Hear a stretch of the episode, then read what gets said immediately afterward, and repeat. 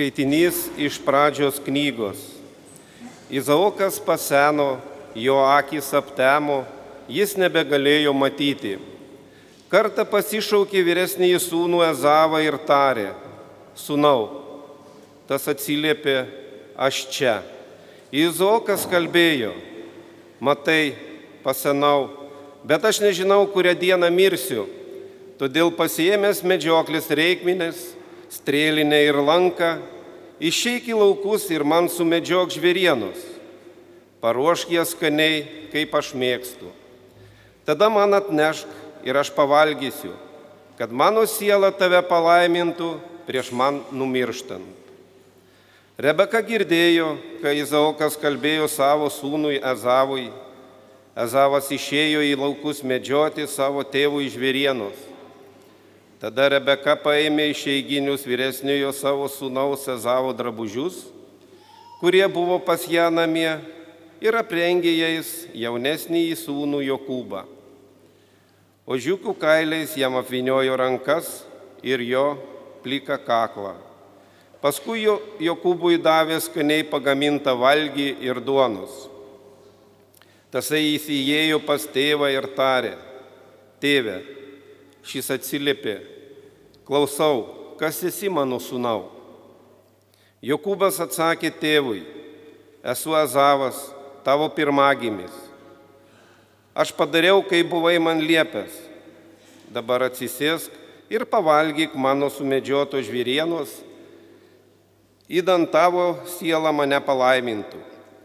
Izaokas paklausė, sunau, kaip, bet kaipgi taip greitai galėjai surasti? Tasai atsakė, viešpats, tavo Dievas, paleido man žvėrį ant kelio. Izaokas paprašė Jokūbą, prieik arčiau, aš noriu sunau tave apgraibyti, ar tu iš tiesų esi mano sunus Ezavas ar ne. Jokūbas priejo prie tėvo. Taip apčiupinėjęs jį tarė, balsas Jokūbo, bet rankos Ezavo. Taigi jis jo nepažino, nes rankos Jokūbo buvo plaukuotos, kaip ir jo brolio Ezavo. Todėl ir palaimino jį. Jis klausė, ar tu tikrai esi mano sūnus Ezavas? Tasai atsakė, taip, tai aš. Tada Izaokas pasakė, tai duok, ką atnešęs. Aš noriu pavalgyti savo sunaus pagaminto žvėrienos, įdant mano sielą tave palaimintų. Jokūbas padavė ir Azaokas pavalgė. Paskui jam atnešė vyno ir tas pagėrė.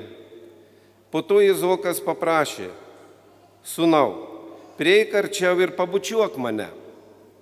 Tasai priejo ir pabučiavo. Užuodęs jo rūbų kvapą, Izaokas jį laimino tardamas. Štai kvapas mano sunaus, kaip kvapas derlingų lauko, kurį palaimino viešpats. Te duoda tau Dievas dangaus rasos ir žemės trašos, javų gausybės ir vyno apstybės. Tarnaus tau tautos, tau lenksis gentis, tu būsi savo brolių valdovas, vaikai tavo motinos turės tau paklusti. Prakeiktas te bus tas, kas tave keiktų, palaimintas bus, kas tave laimins. Tai Dievo žodis.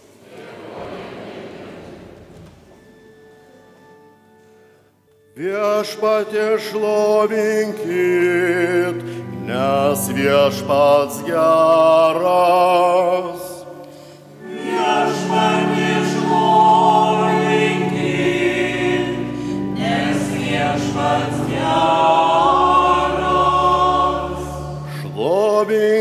Viešpatės vardą, šlovinkit, kurie jam tarnaujat, kurie stovite viešpatės būste, Dievo buveinės atšlainios. Viešpatė šlovinkit, viešpats geras. Viešpatė šlovinkit. nes viešpats geras, jis malonus, jam skambinkit giesmes. Jokūbo šalį jis išsirinko, Izraelis jo turtas.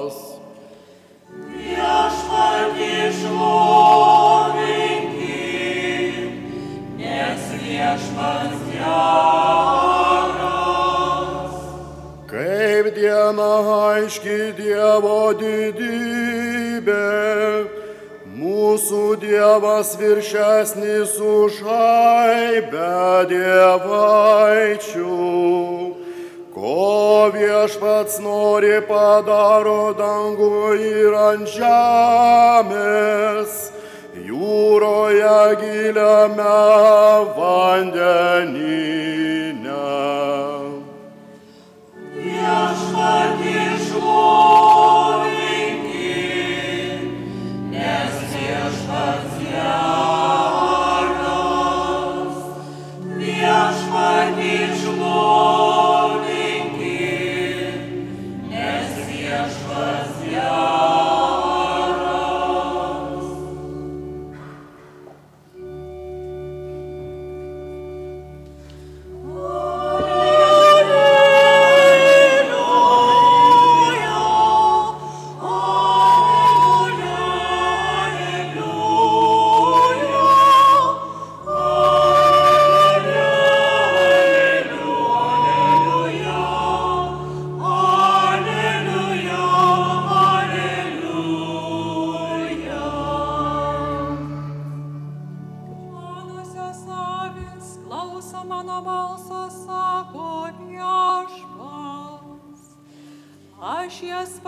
pažįstu ir jos seka paskui mane.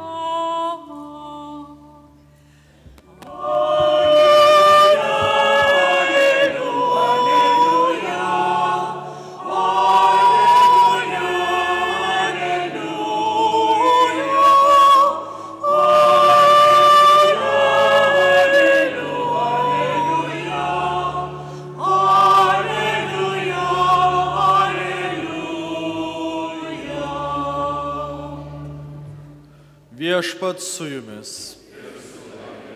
Iš Šventojios Evangelijos pagal matą.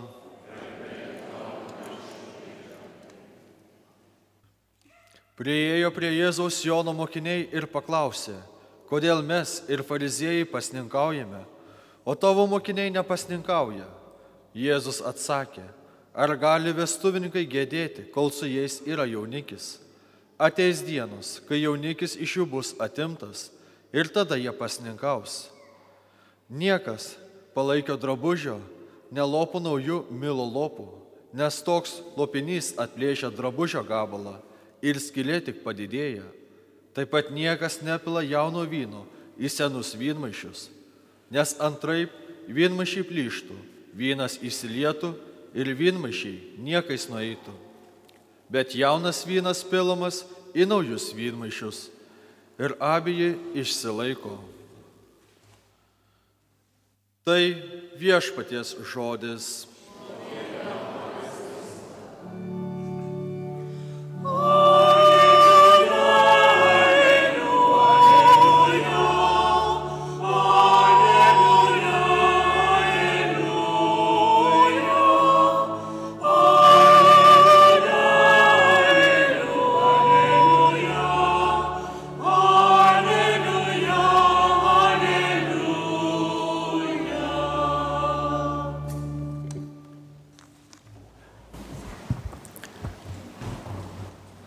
Šiandienos pirmasis skaitinys.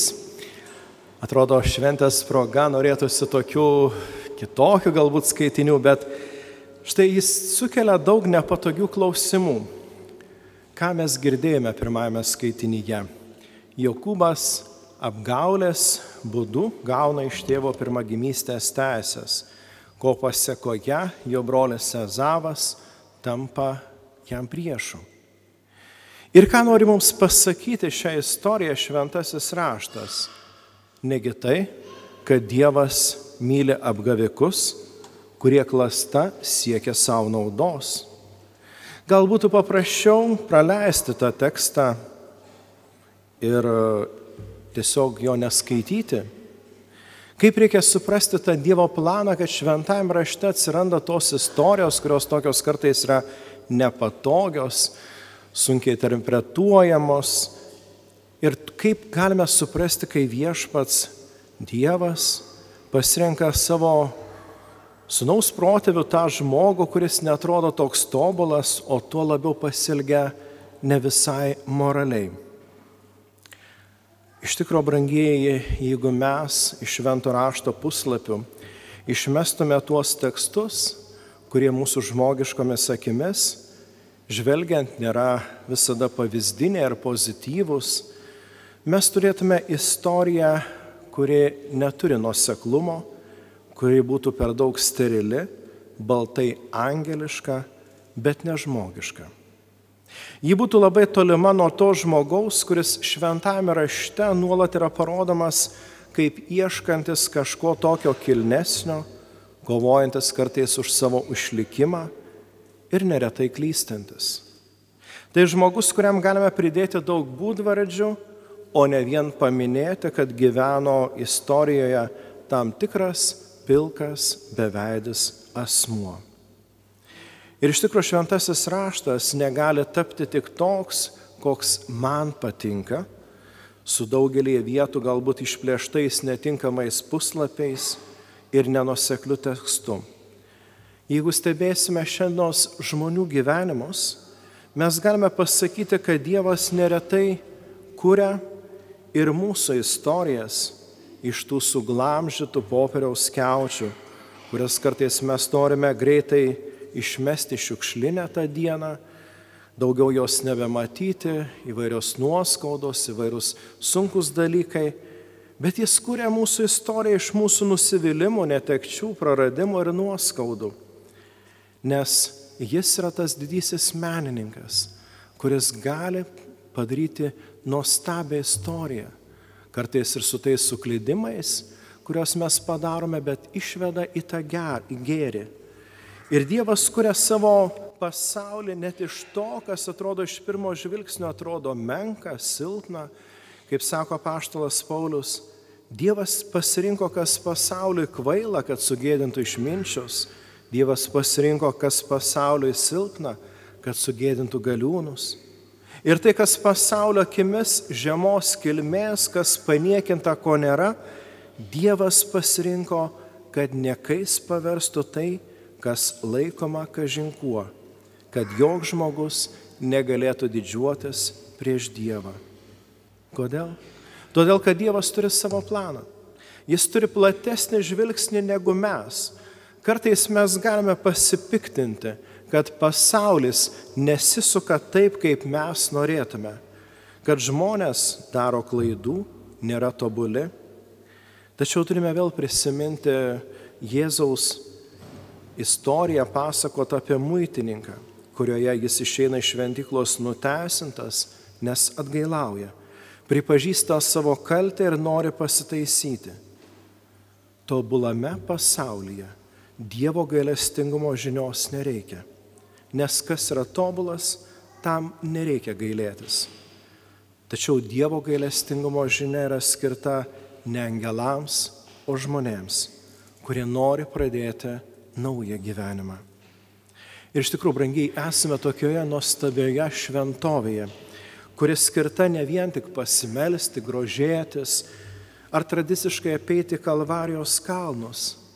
Jos paskirtis ir tikslas yra mūsų atsivertimo malonė, jis yra skirta. Kiekvienam iš mūsų reikia to gailestingojo Jėzaus žvilgsnio, kuris pakelia mus iš nuodėmių, suteikia tvirtumo gyvenimo kelyje.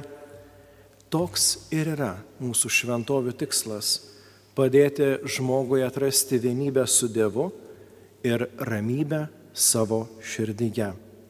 Taigi, brangus broliai ir sesė, Pasinaudok šią progą, ypatingai kai esate atvykę iš galbūt toliau į šią šventovę, tiek yra kunigų prie klausyklų, klausyklose.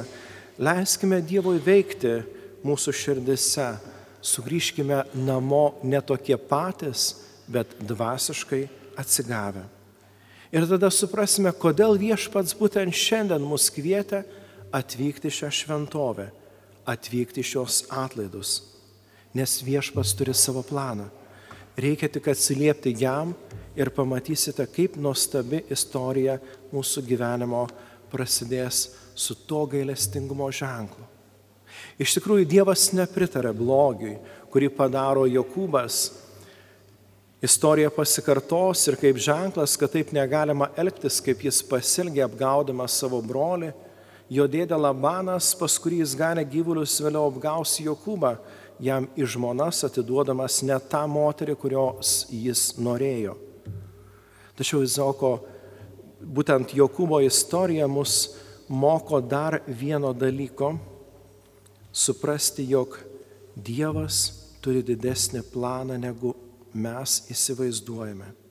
Ar galime pasakyti, kad Dievas tikrai mylėjo Jokūbą ir nekentė Zavo? Ne. Juos abu mylėjo, bet atpirkimo plane teikia pirmenybę Jokūbui, ne Zavui. Jau pats faktas, kad Ezavas lengvai atiduoda savo pirmagimystės teisės už sriubos lėkštę, parodo, kad jis buvo per daug lengvabūdiškas. Negalima tom žmogui patikėti kažko daug. Nėra tvirtas savo apsisprendimuose. Tuo tarpu Jokūbas kovoja už savo teises net ir tada, kai atrodo žmogiškų žvilgsnių neįmanoma. Ir per šią istoriją viešpats nori parodyti, kad šis pasaulis nėra monotoniškas, jame yra daug atspalvių. Ir Dievas tas nuostabus mūsų gyvenimo menininkas ateina, kad kurtų gėrį mumise, mūsų gyvenimuose. Net ir tada, kai mūsų išganimo istorija įsiterpia nuodėmė, ji mus priverčia nusižeminti, pripažinti savo silpnumus ir tai pradėti naują gyvenimą. Tačiau turime leisti veikti Dievui mumise. Neturime užsidaryti vien savigraužoje ar nuodėmėse, bet leistis eiti į priekį jo vedamiems, jo rankos vedamiems, o jis kuria naują gyvenimą noriu pailustruoti savo žodžius vieną tikrą istoriją. Kartą medžiotojų grupelė Škotijos aukštumose po medžioklės susirinko į vieną kavinę, tokį barą, prie karštos arbatos aptarti dienos laimikio ar pabendrauti tarpusavyje. Kai padavėja norėjo padėti arbatos podelę ant stalo, jos ranka surebėjo ir netikėtai tarbat, ar tos arbatos užpylė jodos ant šviesios to baro sienos, ant tapeto. Greitai ta arbata įsigėrė tą tapetą ir sienoje pasirodė juoda dėmė. Ji labai išsigando, nuliūdo, ką pasakys man dabar savininkas, atleis iš darbo, atskaičiuos iš atlyginimo, bus labai nepatenkintas, kad taip atsitiko. Tačiau vienas iš svečių ją nuramino. Jis atsistojo, nuėjo prie sienos, išsitraukė iš savo portfelio piešimo įrankius ir pradėjo piešti aplink tą dėmę. Netikėtai ant sienos pasirodė gražus briedis su nuostabiais ragais, kuris vėliau tapo būtent to baro traukos objektu. Daugelis žmonių paskui važiuodavo vien į tą barą pasižiūrėti, kaip atrodo tas nuostabus briedis padarytas iš arbatos dėmės. Kas pakeitė situaciją? Sugebėjimas įdėmę pažvelgti visai kitų žvilgsnių. Nenusivylimų žvilgsnių, ne baimės, bet menininko žvilgsnių. Nes tas vyras buvo Edvinas Lanceris, vienas iš garsiausių Anglijos gyvūnų dailininkų, kuris tą dėmę pavertė gražių kūriniu. Jeigu jis galėjo tai neišvaizdžią dėmę paversti gražiu šedevru, pagalvokime, kaip Dievas gali padaryti su mūsų nuodėmėmis. Jis nori išlaisvinti mus iš jų, jis nori mums suteikti naują gyvenimą. Leiskime, kad jis darytų iš mūsų gyvenimo šedevrus. Ir baigdamas, noriu pasidalinti su jumis žodžiais antrojo pasaulinio karo metais užrašytus ant sunaikinto namo sienos Kielne. Jame prašyti žodžiai, aš tikiu Saulę, net ir tada, kai ją paslėpė debesis, Aš tikiu meilę net ir tada, kai jos nejaučiu. Aš tikiu Dievą net ir tada, kai jis tyli. Nes ateis diena ir vėl pasirodo saulė. Ateis diena, kada mes pajusime esą mylimi. Nes ateis diena, kada į mūsų žemę sugrįž taika ir ramybė. Taigi, brangiai, noriu mums visiems to palinkėti tvirto tikėjimo, sugebėjimo išlaukti, net ir tada, kai gyvename sunkumus, nejaučiame šalia mūsų keliaujančio Dievo, žinokime, Jis yra šalia mūsų, Jis eina kartu su mumis. Tik leiskime jam prisiliesti prie mūsų širdžių, kad Jis galėtų kurti naują gyvenimą. Amen.